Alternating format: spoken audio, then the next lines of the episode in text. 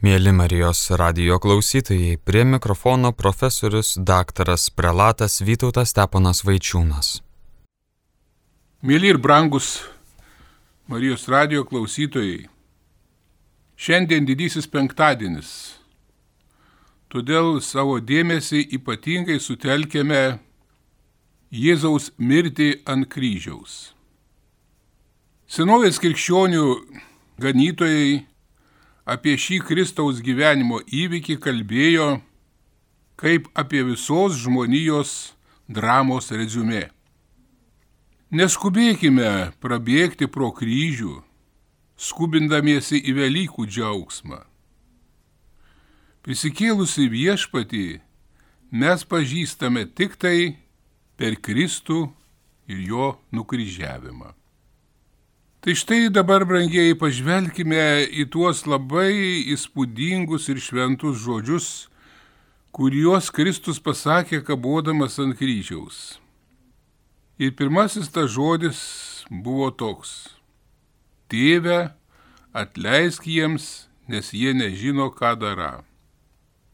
Didįjį ketvirtadienį, tą vakarą, prieš savąjį išdavimą, Jėzus davė mokiniams ir visiems mums labai svarbų nurodymą - mylėti vieniems kitus.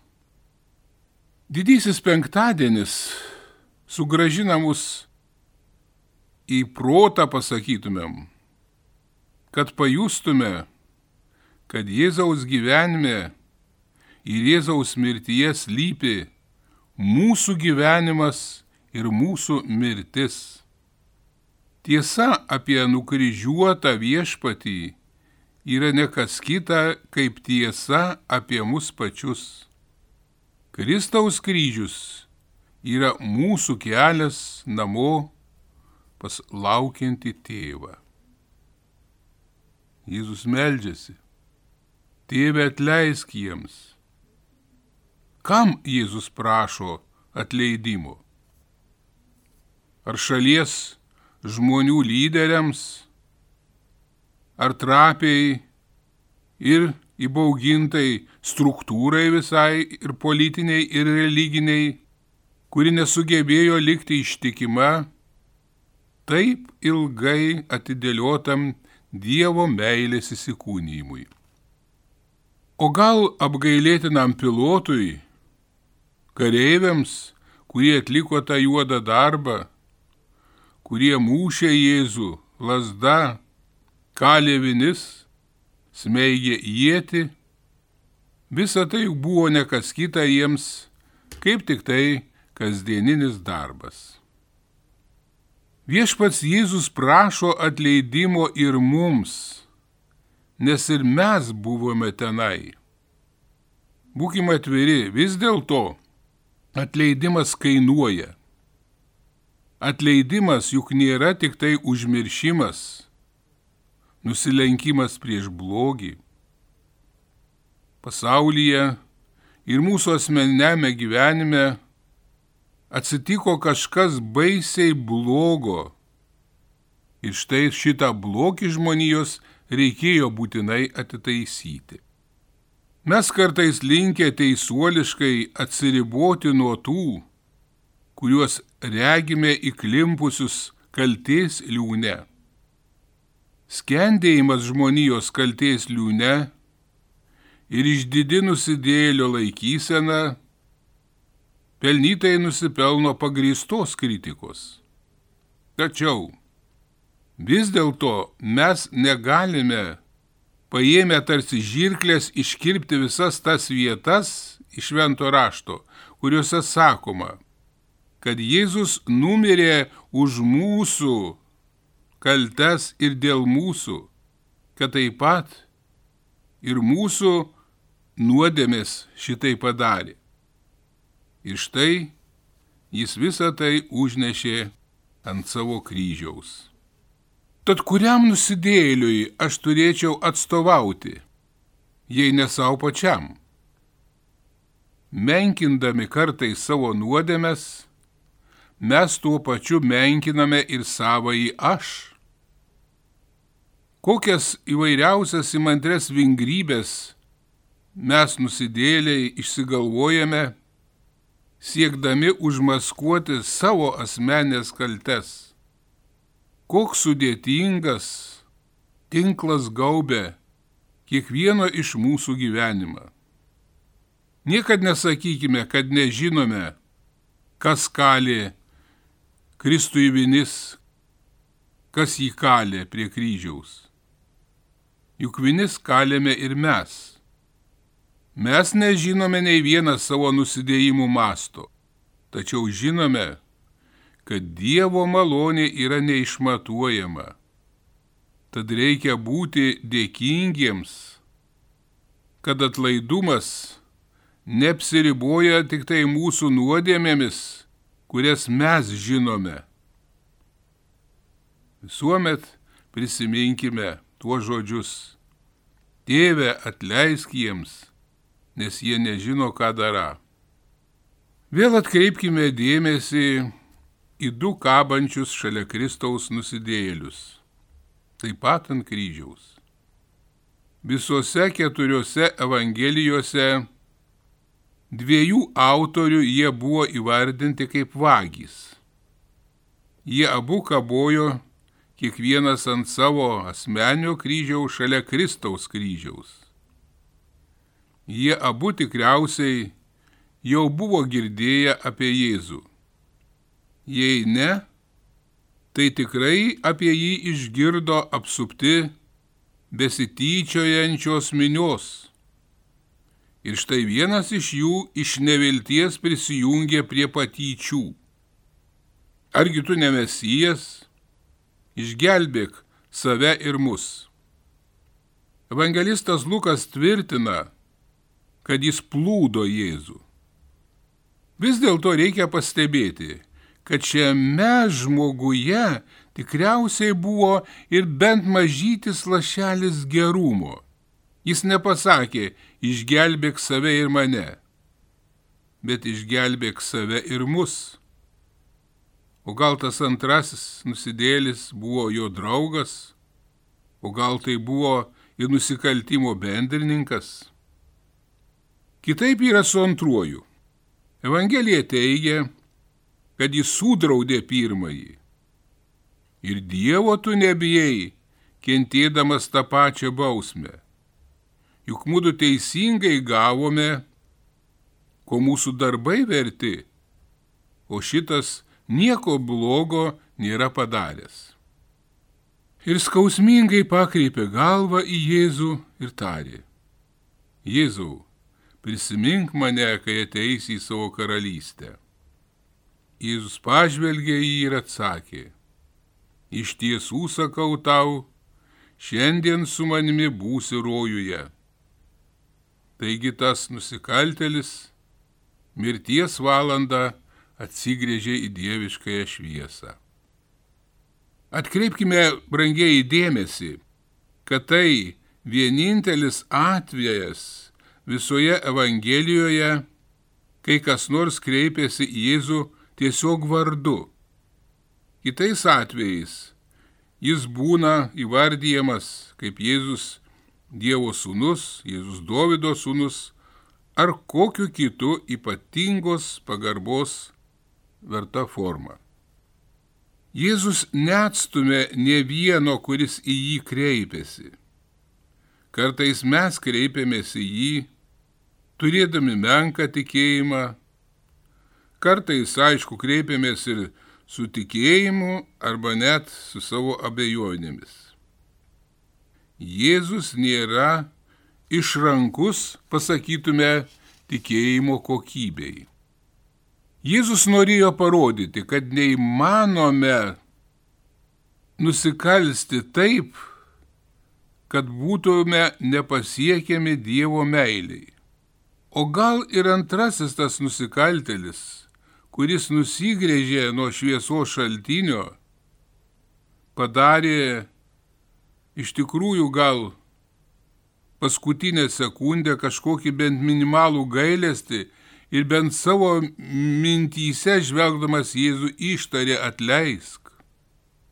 Labai gražiai Šventasis popiežius Jonas Paulius II savo apmąstymų knygoje Žengiant per vilties lengsti rašė, kad nors pragaras neabejotinai egzistuoja, bažnyčia niekuomet neišreiškė tvirtos nuomonės, kad koks nors konkretus asmuo yra pragare ir apskritai, ar ten yra nors vienas.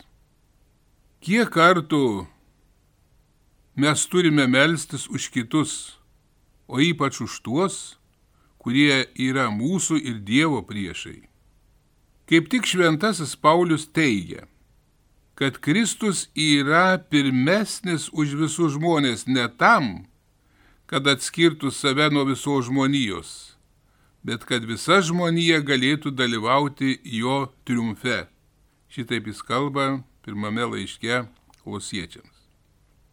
Taigi šiame gyvenime kiekvienas yra pavaldus Dievo teismui ir kiekvienas privalome pripažinti, kad negalime iš anksto žinoti verdikto savo atžvilgių. Taigi neturime laikytis iš ankstiniais nuostatos. Negalime iš anksto žinoti savo amžinojo likimo ir juo labiau negalime iš anksto žinoti kitų žmonių amžinojo likimo. Dievo pažadai yra duoti, jis skatina viltį, o viltis yra tikėjimo forma, kaip tik orientuota į ateitį. Turiu turėti viltį, kad išgirščiau jo žodžius. Šiandien su manimi būsiu rojuje. Ir tai išgirsiu ne aš vienas, bet kiekvienas, kuris samoningai bent paskutinę savo gyvenimo akimirką atsigręš į Dievą. Vėl žvelgiame į situaciją prie kryžiaus. Jėzus nepaliktas vienas. Prie kryžiaus draugė su jo motina stovi jo teta, Marija Kleopo žmona ir Marija Magdalietė o taip pat Kristaus mylimasis mokinys Jonas. Jis stovi kryžiaus papėdėje. Aplink įvairiausią žmonių minę - besigailinti, verkianti, prakeikianti, besišypsanti ir panašiai. Ir štai Jėzus žvelgdamas nuo kryžiaus į brangiausią savo motiną, sako, moterie, štai tavo sūnus ir parodo akimis į Joną, o Jonai sako, sūnau, štai tavo motina. Jonas, mokinys, kurį Jėzus mylėjo, atstovauja visiems jo mokiniams ir visiems Jėzų mylintiems žmonėms. Stovėdamas prie kryžiaus, jis atstovauja mums visiems, visai savo bažnyčiai. Taip pat Jėzus atstovauja ir čia nesantiems mokiniams, tiems, kurie tą skaudžią valandą Jėzų apleido ir pabėgo. Lygiai kaip Jėzus buvo ir išpranašavęs, Jonui ir visiems mums Jėzus sako, štai jūsų motina, ir nukreipė žvilgsnį į savo brangiausią motiną. Štai dabar Marija yra vadinama bažnyčios motina. Lygiai kaip mes niekuomet negalvojame apie Mariją atskirtai nuo kryžiaus, nuo Kristaus, taip negalvojame ir apie Mariją atskirai nuo bažnyčios. Todėl Marija ir yra bažnyčios dalis, šventas, ir garbingas narys. Ji yra aukščiau už kitus, bet vis dėlto tai yra viso Kristaus kūno bažnyčios narys. Kryžius sieja Joną ir Mariją, lygiai taip pat visus mokinius vienus su kitais. Marija neprarado ant kryžiaus savo sūnaus, nes ji įgyjo nesuskaičiuojama daugybė sūnų ir dukterų visuose, kuriuose gyvena Kristaus šlovė. Tačiau šiam vienam mokiniui, šiam Jonui buvo suteikta išskirtinė privilegija. Evangelijoje skaitome. Ir nuo tos valandos mokinys pasijėmė ją pas save. Marija vykdydama Dievo valią tapo jo motina, ištarusis į nuostabų, fiat tebūnie sutikdama būti išganytojo motina. Tuo pačiu tapdama ir bažnyčios motina. Motina visų mūsų, kurie vykdome Dievo valią. Ir kiekvienam iš daugybės brolių ir seserų kuriuose Jėzus nuolat gyvena. Kiekvienam iš mūsų Jėzus sako, štai tavo motina, o Marijai, štai tavo vaikai, juose aš esu. Ir toliau mes atsidusėję žvelgiame į kryžių ir štai išgirstame labai keistą, iš pirmo žvilgsnio atrodo Kristaus šūkį. Šis šūksmas minimas Evangelijoje pagal Morkų ir Matą. Mano Dieve, mano Dieve, kodėl mane apleidai? Eli, Eli Lema Sabachtani. Tai pirmoji 23 psalmės eilutė. Mine be paliovos tyčiojosi iš Jėzaus. Su nedidelėmis variacijomis visos keturios Evangelijos aprašo kaip tik tas patyčias. Reikia nepamiršti. Labai svarbus dalykas, kad prie kryžiaus stovi ir šetonas. Jau ne kartą anksčiau jis bandė Jėzų. O galbūt pavyks jam iškreipti tą išganimo planą. Gal Kristus nusilenks jam. Tačiau nepasisekė. Ir štai dabar paskutinis šansas. Ar gali būti, kad jis šitoje situacijoje liks nugalėtojas? Bet Jėzus tik pasilikdamas ant kryžiaus iki mirties įrodo, kad iš tiesų jis yra Dievo sūnus. Mano Dieve, mano Dieve, kodėl mane apleidai? Iki tol Jėzus visuomet kreipdavosi į Dievą kaip į tėvą, abą. Jėzus kalbėjo, viskas man yra mano tėvo atiduota, sakė Jėzus savo mokiniams. Ir maldoje, kuriuos išmokė paštalus ir mus visus šioje gražioje maldoje tėvė mūsų, taip pat liepia kreiptis tėve mūsų. Getsemanėje Jėzus meldėsi.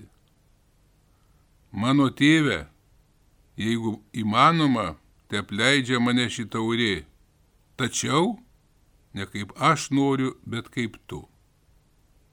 Iš tai Jėzus ant kryžiaus išgėręs šitos baisios kančios taurę nuodų, jis šaukė taip, kaip savo agonijoje šaukdavo ir šaukėsi, nepaliaujame daugybę mirtingųjų, kreipdamiesi į Dievą. Ir čia, ir kitose vietose evangelistai mums nepateikia psichologinio Jėzaus portreto. Jie negali pasakyti, ką Jėzus tuo metu jautė ir ką galvojo. Ar Jėzus šaukdamas iš tiesų manė, kad Dievas jį apleido. Štai skaitykime visą psalmę. 21 psalmė baigėsi triumfo gaida. Šios psalmės kurėjo šūksniu Kristus išliejo visą savo beribę kančią. Jis meldėsi, bet juk mes negirdime galbūt tylios, gal tik mintinos tos maldos pabaigos, tos psalmės žodžių, kurios Jėzus gal pilnai nepaėgė garsiai bei ištarti. Kareivėms atrodė, kad nukryžiuotasis kviečiasi Saulė, Helios, o žydams pasigirdo pranašo Elijo vardas. Taip pat buvo dar aišku ir kitų nuomonių. Kristus yra tikras Dievas ir tikras žmogus. Iš tai prasidėjo tikroji agonija. Jėzus sudėjavo, šachena, trokštų. Vienas iš kareivių pajuto gailestį ir nubėgo prie sočio su poska. Toks rūkštus gėrimas, vynas kuris kartais pavirsdavo į atstą tarsi ilgai laikomas. Kareiviai nešiodavosi jį atsigaivinti prie savęs. Į primirkęs kempinę užmovė ant vitelės ir pakėlė mirštančiajam. O kiti tyčiojasi net iš jo ir atkalbinėjo liaukis. Pažiūrėsim, ar ateis Alyjas jo išgelbėti. Štai eilutės iš Evangelijos pagal Jono. Tada žinodamas, kad viskas įvykdyta, kad išsipildytų raštas, Jėzus tarė trokštų. Čia ant Golgotos apleistas, ant kryžiaus šaukėsi trokštų. Vyksta didžiausias visų laikų misijinis aktas. Juk visa Evangelija yra istorija apie pasaulį ir apie kiekvieną žmogų pasaulyje. Nesvarbu, ar jis tai žino ar ne. Šventasis Jonas Paulius II teigia, kad Kristus yra atsakymas į kiekvieną žmogaus gyvenimo klausimą. Bažnyčios misija yra atvesti pasaulį per save pas Dievą. Pati bažnyčia yra misija Kristaus, kuris be galo trokšta gelbėti prarastuosius. Pagrindinį evangelizacijos motyvą sudaro nes nenuslopinamas troškimas perduoti žinę apie tai, kas bus, remiantis tuo, kas jau yra ir ko, kaip šventasis Petras pasakė, mes visi esame liudininkai. Trokštų. Mes esame siunčiami į pasaulį, Jėzus to trokšta, kad tai liūdytume. Kiekvienas krikščionis dalyvauja bažnyčios misijoje. Trokštų, sušūko Jėzus nuo kryžiaus. Jis trokšta mūsų, o mes trokštame jo.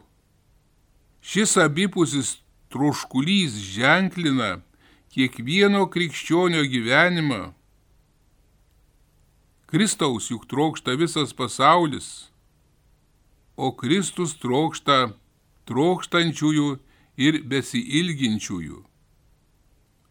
Prisimename, kaip jis pasakė, o aš, kai būsiu pakeltas nuo žemės, visus patrauksiu prie savęs. Ir vėl tyla, ir staiga išgirstame Jėzaus žodį atlikta. Čia turėtų būti suvokiama kaip konsumatum est, lotiniškai, reiškia išpildyta, padaryta tobulai. Tai daug daugiau negu pasakyti tik viskas baigta. Apie iškentėtą baisę kančią galėtume pasakyti, pagaliau viskas baigta. Tokiu atveju norėtume pasakyti, kad tai, kas įvyko, priklauso praeičiai. Ir dabar mes tarsi galėtume viską pamiršę, žygiuoti pirmin. pasakymas atlikta turi visiškai priešingą prasme. Tai gyvenimas pasiekęs tobulybę. Štai pilotas Jėzų paklausė. Vadinasi, tu esi karalius? Jėzus atsakė, aš tam esu gimęs ir atėjęs į pasaulį, kad liūdyčiau tiesą. Nuo kryžiaus jis pareiškė, kad būtent tai ir įvykdė, įvykdė iki pabaigos. Atlikta. Tačiau laikas tęsiasi, istorija nesibaigia.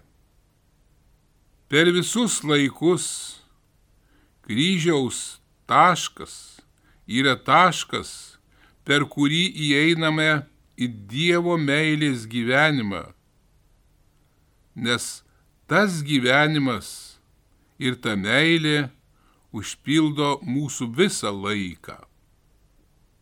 Atlikta. Dabar nebegali atsitikti niekas, kas pajėgtų ar galėtų tai atšaukti. Jėzus savo mokiniams pasakė labai prasmingus žodžius. Pasaulyje jūsų priespauda laukia bet jūs būkite drąsūs, aš nugalėjau pasaulį. Jis jau nugalėjo ir pasakė, atlikta. Savoka atlikta reiškia tobulai pabaigtą gyvenimą ir jo didįjį darbą. Įvykdė visiškai tėvų valią. Svarbiausias atpirkimo proceso darbas buvo visiškai tobula savęs atnaša. Kaip tik viso atpirkimo centre yra Jėzaus savęs paukojimo veiksmas. Ir štai kančios visiška pabaiga. Jėzus ištarė žodžius. Tėve, tavo rankas atiduodu savo dvasę. Šis septintasis žodis nuo kryžiaus užfiksuotas vienintelėje Evangelijoje pagal Luką. Atkreipkime dėmesį, kad šioje paskutinėje ištarmėje Dievas vėl vadinamas tėvu. Štai mūsų kasdieniam gyvenime matome, Turbūt daugelis prieš miegą persižegnoja ir ištarė. Bent mus taip mokė, dar vaikus. Tėviai tavo rankas viešpatie atiduodu savo dvasę, atiduodu savo gyvenimą ar panašiais žodžiais. Ir daugelis krikščionių tai kartoja. Neretai sakoma, kad asmeninėje maldoje žmogus gali kreiptis į Dievą juk pačiais įvairiausiais būdais, priklausomai nuo žmogaus vidinio gyvenimo, įsilavinimo struktūros, sentimentų ir tam tikrų asmenio gyvenimo ypatumų, kiek žmogus yra pažengęs dvasiniam gyvenime, o svarbiausia, kiek žmogaus vidinis pasaulis yra arčiausia Dievo. Tik vienintelis Dievas, kurį mes pažįstame ir yra Abraomo, Izaoko ir Jokūbo Dievas, kaip tik į kurį Jėzus ir kreipdavosi - Tėve. Septintasis šitas žodis nuo kryžiaus yra pasitikėjimo šūksnis, apie kurį Jėzus kalbėjo. Tačiau aš ne vienas, nes su manimi yra tėvas. Jėzus paskutinį kartą nuo kryžiaus ištarė į tavo rankas. Ši malda visada yra kalbama vienu balsu su ant kryžiaus kabančiu Jėzumi. Tai pati intensyviausia apraiška to, ką mes savo dvasiniam gyvenime vadiname Kristaus sekimu. Čia ant kryžiaus kiekvienas kada nors gyvenusio ar kada nors gyvensiančio, bet kurios motinos ir vaiko gyvenimas buvo atiduotas tėvui. Kartą ant Golgotos atlikta, Eucharistijoje įkūnyta, iki pasaulio pabaigos šita didžioji paslaptis, kaip tik ir buvo ta didžioji auka, kuria buvo atpirkta viskas. Niekas nėra prarasta ar pamiršta. Taigi, svarbiausia yra atsiduoti sūnui, kad šis draugė su savimi atiduotų kartu su šventaja dvasia mus tėvui Nėra nieko, kas per kryžiaus vartus negalėtų rasti kelio pas Dievą. Ant kryžiaus sužeistas žodis grįžta į savo namus iš misijos, su savimi neždamasis visą tai, kas telpa labai prasmingoje savokoje meilė. Po žodžių tėvę į tavo rankas atiduodu savo dvasę, Jėzaus galva nusvyro ant kryžiaus, širdis sustojo, jis mirė. Ta akimirka žmonės pajuto, kad žemė sudrebėjo ir uolos ėmė skeldėti. Buvo tvanku kaip prieš didžiausią audrą. Iš tai šimtininkas, kuris stovėjo šalia kryžiaus ir ilgai žvelgė į nukryžiuotojo veidą, sušuko. Iš tikrųjų šitas žmogus buvo Dievo sūnus. Šitie grėsmingi gamtos reiškiniai prislėgė visus. Daugelis grįžo į miestą sutrikę ir išsigandę. Daugelis mušėsi į krūtinę gedulo ženklan, nujausdami, kad įvyko kažkas baisaus. Niūraus dangaus fone bolavo trys kryžiai. Tačiau jie bylojo ne vien apie žmonių žiaurumą ir pyktį. Nuo šiol šis bausmės įrankis taps išganytojo simboliu pasiaukojamas Dievo meilės puolusiai žmonijai simboliu. Ir štai tik tai prisikėlimo rytą Jėzus prikeltas dangiškojo savo tėvo galutinai triumfuoja, kaip jam, kaip jis sakė, man duota visa valdžia danguje ir žemėje. Be Kristaus kryžiaus nebūtų buvę ir prisikėlimo. Mėlyjeji šioje laidoje mintimis dalinosi profesorius daktaras prelatas Vytautas Stepanas Vaičiūnas. Likite su Marijos radiju.